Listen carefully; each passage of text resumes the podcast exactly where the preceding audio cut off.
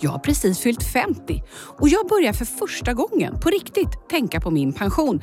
För om 15 år är det ju dags. Alltså herregud, vad hände? Och jag är faktiskt inte ensam om det här. Siffror från Pensionsmyndigheten visar att svenskarna är som mest oroliga över att få en låg pension från och med 50-årsdagen och framåt. En annan 50-åring som faktiskt också börjar tänka på pensionen är hiphopen. En av världens största musikgenrer som också fyller 50 i år. Historiskt sett har hiphopen ju alltid pratat pengar och kanske framförallt att spendera dem på lyx. Men nu börjar några rappare prata om att starta en pensionsfond för alla pensionerade hiphoppare i USA. Och tittar vi närmare på texterna så är det kanske inte så konstigt. Hiphopen har faktiskt mer koll på privatekonomi än man kanske kan tro. Vad säger rappen egentligen om pengar? Kan vi lära oss något nytt? Och gömmer det sig några goda råd i barsen? Ja, det ska vi utforska nu. Välkomna till Tänkonomipodden, en podd från Premiepensionsfonden AP7. Vi ska reda ut varför människor tänker som vi gör när det kommer till ekonomiska beslut. Vi kallar det tänkonomi, men vi skulle också kunna kalla det för beteendeekonomi, som man säger i forskarvärlden. Jag heter Karin Adelsköld och med mig för att prata om privatekonomi och hiphop har jag Fredrik Strage, musikjournalist och författare. Man kan höra dig i musikpodden Hemma hos Strage och se dig i Nyhetsmorgon på TV4. Välkommen! Tack. Och Anita Radon, du är universitetslektor i företagsekonomi vid Södertörns högskola och forskar om konsumtion och varumärke. Välkommen! Tack så mycket. Fredrik, hiphopen firar 50 år. Kan du beskriva vad det var som formade genren när den föddes och hur den har utvecklats? Det som föddes för 50 år sedan var ett sätt att eh, mixa skivor. En DJ-teknik bestående av funk, soul, disco, till och med rock. Sen kom breakdance, sen kom graffiti, sen kom rap.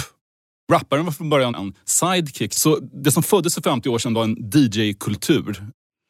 Anita, vi är ju många som har en passionerad relation till musik och tv-serier och annan populärkultur. Påverkar det oss i vår konsumtion och hur då i så fall? Det påverkar oss i högsta grad skulle jag säga. Alltså vi ser det ju hela tiden och många gånger när man ser upp till någon eh, om det är en artist eh, eller någon som är känd men också när, när vi ser filmer och tycker att ja, men det här var en karaktär jag gillade. Det behöver inte ens vara att man ser upp till skådespelaren i sig men att man gillar karaktären så ser man åh, det här är en snygg karaktär, det här är en smart karaktär. Vad använder de? Vad konsumerar de? Vad är det för kläder? Vad är det för mat de äter? Vart går de? Uh, och det tar vi till oss och det här sprids ju mycket, mycket mer idag. Det är mycket lättare för oss att ta till oss den här konsumtionen för vi ser den på ett annat sätt i och med sociala medier. Det går inte lång tid från att det släpps en film eller en serie till att någon har identifierat vad är det de har på sig. Var äter de någonstans? Och det här dyker upp och det så här, blir långa köer utanför ställen för att äta på just det stället som de var på i någon serie eller köpa de kläderna som de hade. Mm. Fredrik, en stor del av, av hiphopens tematik har ju alltid fokuserat just på excesser. Riktigt dyra kläder och bilar och smycken. Har det alltid varit så? Hiphopen görs ofta av folk som kommer från en väldigt fattig svart amerikansk bakgrund.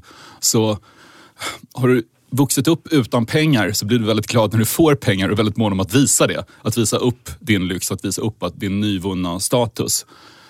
Det är väl förklaringen till att hiphop i högre grad än rock och pop pratar mycket om pengar. Mm. Jag tror själv att jag aldrig har bränt så mycket pengar på kläder som när jag lyssnade som mest på hiphop kring millennieskiftet. ja, då, då, var jag verkligen helt inne i framförallt uh, ja, Wu-Tang Clan och uh, Rough Riders-kollektivet. Jag lyssnade på jättemycket på hiphop. Jag var väldigt mycket i New York. Och då plötsligt så ville jag köpa jag ville köpa en Sean John-jacka. Alltså Puff Daddys klädmärke. Jag mm. betalade mm. säkert ja, 3000 kronor för, oh, för, en, för ja, den, den jackan. Jo, det var jättemycket då. Så, ja, men jag, jag brände massa pengar på, på hiphoplyx.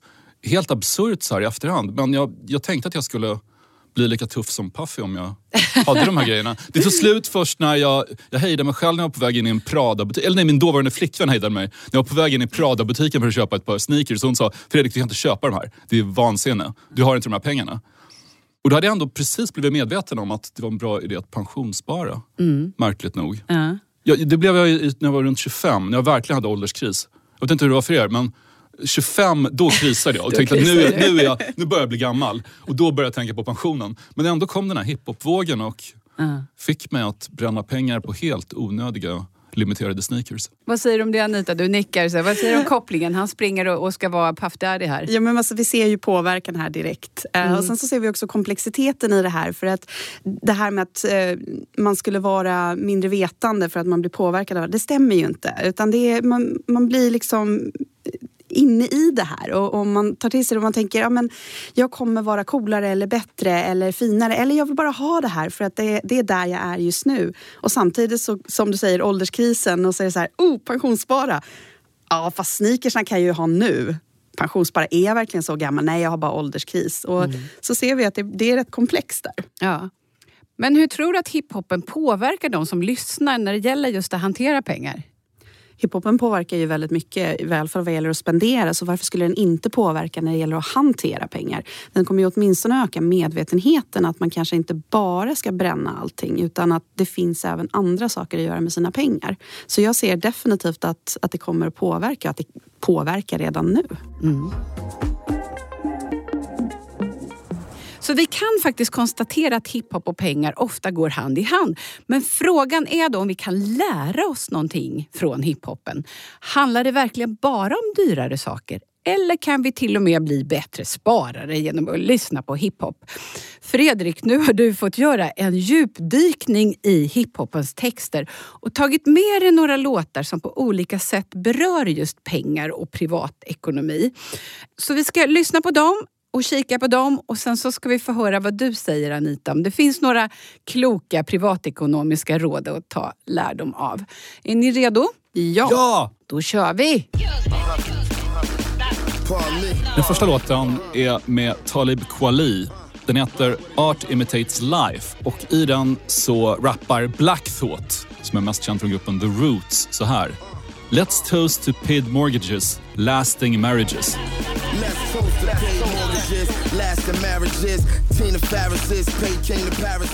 Alltså han utbringar en skål till att amortera och till att eh, hålla ihop äktenskap. Vilket är kanske ett lite revolutionerande perspektiv i en genre som ofta handlar om att bränna alla pengar och tillfälligt sex. Um, men Black Thought och The Roots och även Talib Kweli är väldigt förnuftiga rappare. De är som man brukar säga conscious. De är medvetna om vad som är viktigt här i livet. Att man kanske inte blir lycklig av att spendera alla sina pengar direkt i längden. Man kanske inte blir lycklig av tillfälligt sex utan man kanske blir lycklig av ett långt stadigt förhållande. Jag kan verkligen relatera till den här texten för jag har amorterat rätt mycket. Vilket hänger ihop lite med att jag är ganska dålig på ekonomi. Jag får ångest av att ha skulder. Och jag tänker fortfarande när jag går in på banken att de är sura på mig för att inte jag betalar tillbaka hela mitt bostadslån. Jag tänker, ja, jag är jätteledsen. Jag, jag jobbar på det. Jag vet att det har tagit mer än tio år på mig för att betala av det här. Men jag lovar, jag ska snart betala tillbaka. Så jag har alltså, jag har amorterat jättemycket. Och i alla år så skrattade folk åt mig och sa men du, det är mycket smartare att sätta in de här pengarna på det här och det här eller investera i bla bla bla bla bla eller köpa aktier. Och jag sa, nej, så tänkte jag på vad Göran Persson sa, eller vad hans bok hette. Den som är satt i skuld är inte fri. Och nu, vem skrattar? Nu, ha! Mina vänner som sa åt mig att investera, de plågas av skyhöga räntor medan min månatliga kostnad för, för mitt lån är försumbar. Ja. Fredrik kommer ut som amorterare här Anita och vi skrattar lite men alltså vad säger forskningen? Är det alltid smartast att försöka betala av bostadslånen? Även i de perioder när, när räntan räknas som låg? Ja, alltså det beror ju helt på vad du är i för situation. Men du var ju i den situationen att du kunde göra det här. Och om, om vi tänker så här att när, när räntan är låg, om om, om vi bara tar ett exempel, säger att du kan betala 10 000 i månaden. Om du då betalar 2 000 i ränta och 8 000 kronor är avbetalningar på lånet. Jättebra. Sen höjs räntan och så är räntan plötsligt 8 000. Då är det kanske två du kan amortera. Sen när räntan blir 12 000 i månaden, ja då finns det inte så mycket utrymme för dig att amortera. Men om du då redan har amorterat i x antal år, då kanske du aldrig når den där höjden. Det kanske aldrig blir de där 12 000 för att summan som du har lån på är mycket lägre. Så att om man har den möjligheten att betala av på lånen så är ju det en bra sak. Mm. Så både Fredrik och Black Thought hade en bra poäng där också. Absolut. Var det på grund av honom du började amortera? Jag, jag, jag hörde den här låten, jag, jag noterade faktiskt inte den raden. Plus att jag lyckades inte hålla ihop mitt äktenskap. Så jag borde kanske lyssnat mer på Black Thought. Vi kör nästa. Det här är en låt med en av mina absoluta favoritrappare som jag fortfarande tycker är extremt underskattad. Exhibit, som är mest känd för sina samarbeten med Dr Dre och Eminem. Den här låten heter Everything och är från skivan han släppte 2012. Diversify your millions. You can live off the interest. Make every revenue stream flood. See where it took me. And make that money stack higher than giraffes on the block. I den rappar han “Now I have a seat at my table. Let me do you the business. Diversify your millions. You can live off the interest. Make every revenue stream flood. See where it took me and make that money stack higher than giraffes pussy.” Nej, tänker jag. Så där kan man väl inte hålla på och rappa. Jag har aldrig funderat på att använda höjden på en giraffvagina som mätare på hur mycket pengar man har. Hur högt man kan stapla sina sedlar. Men det gör han här. Bara den, den bilden är, är fantastisk. Jag älskar hans, hans köttiga flow. Han låter exakt som jag vill att rappare ska låta. Han- Det här påminner också om så här, kanske Method Man i Wu-Tang eller Ice Cube i NWA. Han har precis rätt tonfall för att jag ska lyssna. Och han eh, pratar om att eh, investera på många olika håll. Att inte satsa allt på samma kort utan att sprida riskerna. Och det är väl klokt, antar jag. Vad säger du Anita? Superviktigt. Jätteklokt att sprida riskerna. Eh, jag skrattar fortfarande åt hans beskrivning hur, hur högt hans pengahög ska vara. Eh, men absolut. Eh, det är ju så att om, om man inte sprider riskerna så, så blir det ju problematiskt eh, om någonting händer. Eh, och, och det är ju det som alltid är rådet, att, att man ska sprida riskerna. Man, man ska göra olika saker för, för sitt sparande. Och en sak kan ju vara sån att man betalar av på sina lån, en annan att man investerar. Men man kan inte bara investera allting i till exempel en och samma aktie. Det är inte en smart sak. Men däremot om man sprider riskerna på så sätt att någonting investerar man i fonder, någonting investerar man i någonting med lite högre risk, man betalar av på, på sitt lån. Eh, man har ett sparande på eh, ett vanligt sparkonto eh, som, som man har pengar tillgängliga. Det är ju det absolut bästa man kan göra och det är ju faktiskt exakt det han säger. Sen pratar han kanske om helt andra penganivåer. eh, Ja. än, än Men ändå, det där är faktiskt sunda råd måste jag säga. Men bra alltså. Vi har amortera, vi har investera och nu nummer tre Fredrik. Nästa låt är med Outkast, Atlanta-duon.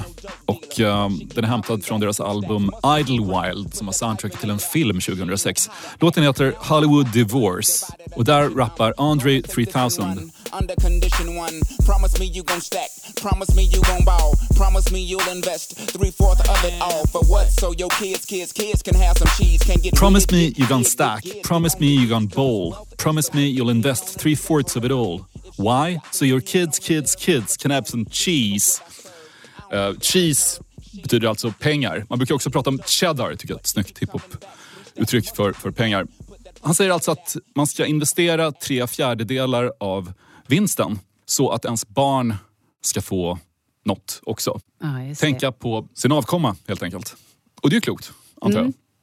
Anita, vad säger du om det här tipset då som vi faktiskt har fått från Outcast? Alltså, han har inte fel här. Nej. André. Att spara och, och speciellt spara till sina barn är ju inte någonting som det är fel. Sen så beror det ju helt på vilken situation man är hur mycket. Han pratar om, om tre fjärdedelar av vinsten. Kanske är för mycket för, för vissa beroende på hur mycket man har att spara. Men att faktiskt tänka på att eh, väldigt lite per månad under väldigt lång tid blir ju någonting. Eh, sen beror det här på hur mycket man faktiskt kan avvara. Men att just tänka på, på balansen att kanske inte spara varenda krona och, och inte kunna göra någonting under hela barnens uppväxt. Men heller inte köpa en ny cykel eller vad det nu kan vara varannan månad eller en gång i halvåret bara för att man kan. Eh, att det ska finnas en balans där. 75 procent, spara 75 procent för barnen skulle. Jag känner att jag blir svettig här. för Det, är- det är ju inget som har hänt. Han, han, han, han rappar ju samtidigt “Promise me you're gonna stack”, alltså stapla Ja. sedlar. “Promise me you're gonna ball”, alltså ha kul också. Ja. Ja, det här är fantastiskt kul att höra. Eh, jag- Jag har som sagt var lyssnat mycket på hiphop men har faktiskt inte ens hört de här stroferna. Och nu får vi en ny, Fredrik. Det här är en låt som heter “Save That Money” med artisten Lil Dicky.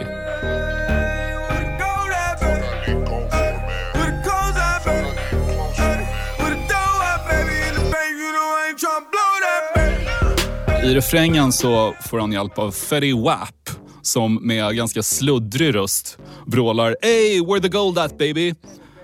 Och Lil Dicky svarar “What the fuck I need gold for man?” Fetty Wap vrålar “Hey, where the clothes at baby?” Och Little Dicky replikerar “What the fuck I need clothes for man?” Och Fetty Wap fortsätter “Hey, where the dough at baby?” Var är pengarna alltså? Och Little Dicky säger “In the bank, you know I ain't trying to blow that baby” Alltså, varför behöver jag guld? Varför behöver jag kläder? Och jag vill spara mina pengar. Det här är den mest sparsamma hiphoplåten jag har hört. Lil Dicky skryter om hur bra han är på att inte göra av med pengar. Han är noga med att släcka alla lampor när han går hemifrån. Om han reser bort så hyr han ut sin lägenhet på Airbnb. Han använder oerhört billigt toapapper. Han lånar sin kusins inloggning till Netflix. Han klipper sig bara ett par gånger om året. Och han eh, har alltid samma jeans. Alltså, har man någon aning om hur den här togs emot? Liksom? För det här är ju verkligen helt på andra sidan skalan. Lil Dickys grej är att driva med hiphop till stor del. Han är en väldigt uh, komediorienterad rappare. Så han, meningen här är att han ska provocera alla som vill eh, ha ett överflöd i hiphop. Anita, vad säger forskningen om att spara och välja sina tillfällen? Eller rent ut sagt då att snåla? Det är ju ganska stor skillnad på att spara och välja sina tillfällen och att snåla. Eh, vi är eh, idag sämre på att spara. Eh, det här instant gratification, alltså omedelbar tillfredsställelse låter ju väldigt konstigt på svenska. Men vi vill ha det, vi vill ha det nu. Och vi, vi blir dåliga på att spara till saker. Vi tänker att ja, men jag vill ha en ny mobiltelefon, men jag ska spara till den. eh, och så sparar jag 500 kronor i månaden. Hur lång tid kommer det ta innan jag har råd med den? Jo, då har det kommit tre nya modeller. Så vi sparar inte på det sättet utan vi tittar istället, okej hur får jag den här? Jo, men om jag får den med det här abonnemanget så betalar jag 500 kronor i månaden men jag har telefonen i handen idag. Så vad gäller den typen av produkter så är vi sämre på att spara till dem. Eh, vi kan spara till, till vissa saker, ja. Eh, vi sparar till, till semestrar mer, men det gäller heller inte alla. Eh, sen handlar det också om hur vi sparar, om vi sparar i förväg eller om vi sparar in efteråt. Eh, och det har också att göra med den här att vi vill ha det nu. Vi vill ha det nu, nu, nu. Ja, jag vill åka på den här semestern om en månad. Men jag har inte riktigt råd med den nu. Men jag vet att jag kommer ha råd med den om jag sparar in senare. Så sparandet ser annorlunda ut. Att det behöver inte ske innan konsumtionen utan det kan ske efter konsumtionen. Det viktiga är att den måste ske någon gång. Mm. Vi har gjort ett annat avsnitt här av Tänkonomi där vi just pratat om att den stora njutningen i att unna sig det är att spara. Lyssna på det eh, om ni är intresserade mer. Men då skulle du alltså säga här att det här, här var lite för snålt, den här texten, om man, om man ska hårdra det. Alltså beskrivningen här då som, som Fredrik gav. Ja, alltså det, det blir ju väldigt snålt. Men om det är det som Lil Dicky väljer att göra så är ju det hans prioriteringar. Och det är ju helt okej. Det finns ju de som prioriterar allting från att ha en, en hel helg med festande för att sen extremsnåla i två veckor. Och väljer man det så väljer man det. Jag kan relatera till det här med att snåla in på toapapper. Jag har märkt att jag ofta snyter mig innan jag torkar mig. I toapappret. Ibland gör jag nämligen tvärtom, tvärtom. också. Precis. Alltså, det är, ju, det är ju fantastiskt här vilka tips vi har fått, men vi har en sista låt. En av de största hitsen från slutet av 90-talet. Mo Money, Mo Problems med The Notorious B.I.G. där Kelly Price sjunger refrängen.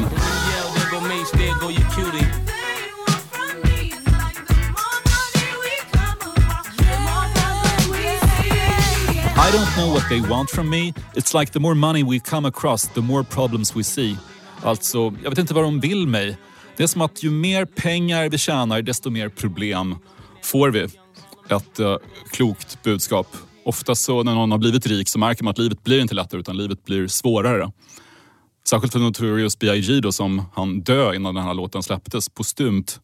Han fick aldrig njuta av alla sina miljoner.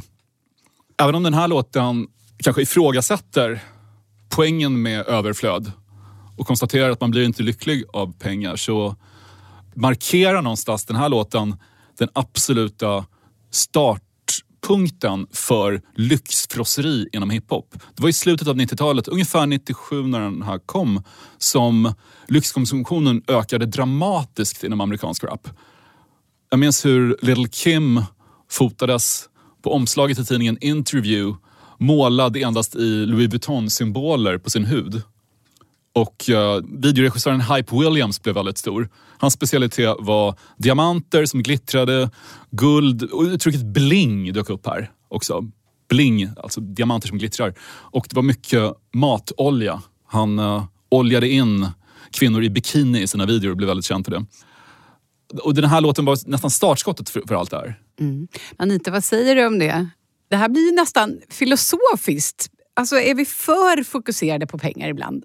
Jag vet inte om jag skulle säga att vi fokuserar på pengar så mycket som vi fokuserar på konsumtion väldigt mycket. Och då blir det ju de facto så att vi fokuserar på pengar. Men det är just konsumtion, konsumtionshets, eh, eh att vi är i en konsumtionskultur. Så, och det är det väldigt, väldigt stort fokus på. Um, och det blir ju då ett väldigt stort fokus på pengar och det kan ju vara alldeles för mycket. Eh, för vi fokuserar ju inte på pengar på det sättet att eh, jag ska utbilda mig, jag ska jobba, jag ska tjäna mer. Utan många gånger är det vad ska jag göra för att kunna konsumera mer? Vad ska jag göra för att kunna konsumera just det här? Vad ska jag göra för att köpa de där Timberland-skorna? Hur många par kan jag köpa? Eh, vilken färg är den senaste? Och då skulle jag säga att ja, pengar, men det är just konsumtionen och konsumtionen av varumärken som blir det som vi lägger väldigt, väldigt stort fokus på. Vad borde vi göra istället då? Ska vi tänka långsiktigt eller? Vi ska väl tänka också vad som är tillfredsställande men att det kanske inte bara är varumärkeshetsen och konsumtionen eh, och den omedelbara konsumtionen och en överdriven konsumtion. Att den ska finnas på en, en nivå som gör en glad och den nivån kanske inte behöver vara extremt hög. Eh, utan att det faktiskt finns andra saker. Så ska vi sammanfatta det vi har hört nu då, så har vi hittat texter som säger att vi bör amortera, investera, spara till barnen, snåla lagom men framförallt komma ihåg att pengar är inte allt. Nej, som Kanye West sa en gång, pengar är inte allt men att inte ha pengar är allt. Mm. Ganska kloka ord, framförallt för att komma från Kanye West. Så kanske inte har blivit känd för att strössla visdomar runt sig. Men sammanfattar inte det också hiphopen lite grann? Just det där att pengar Verkligen. är en kul grej men det är framförallt erfarenheten av att absolut inte ha några som, som, som ger dem kraft och energi i de här texterna. Vad tänker du Anita när du har hört de här tipsen? Ja, men jag tänker att det, det visar ju också på att eh, hiphopen inte bara pratar om eh, att bränna alla sina pengar på lyxkonsumtion utan att visa på att det finns en, en smart sida också. Att även om man kan ha kul så kan man tänka på vissa saker och det är inte bra att bara leva för just, inte bara ens idag utan den här sekunden när man bränner alla sina pengar. Utan att faktiskt vara smart, investera, tänka på någon typ av framtid i alla fall. Så det fanns ju en, en del goda råd där. Vad säger du Fredrik? Alltså, vi ska ju inte säga att det här är en stor genre eh, med privatekonomiska tips inom hiphop men kommer vi se mer av det här? I takt med att artisterna åldras, absolut. Men sen inom hiphop är det ofta de yngsta som uppmärksammas hela tiden. Så om eh, Exhibit fortsätter att ge privatekonomiska råd i sina låtar kanske inte det kommer göra så stort avtryck på kulturen i övrigt. Stort tack Fredrik Strage, Tack. musikjournalist och författare. Tack för att du kom hit och lärde oss mer. Anita Radon, universitetslektor i företagsekonomi vid Södertörns högskola. Tack snälla du också för din hjälp att analysera texten här. Tack. Och tack till dig som har lyssnat. Om du vill veta mer om varför vi människor gör som vi gör när vi fattar ekonomiska beslut, ja, då kan du lyssna på fler avsnitt av Tänkonomipodden som är en podd ifrån statliga premiepensionsfonden AP7. Jag heter Karin Adelsköld och Tänkonomipodden produceras av Umami Produktion.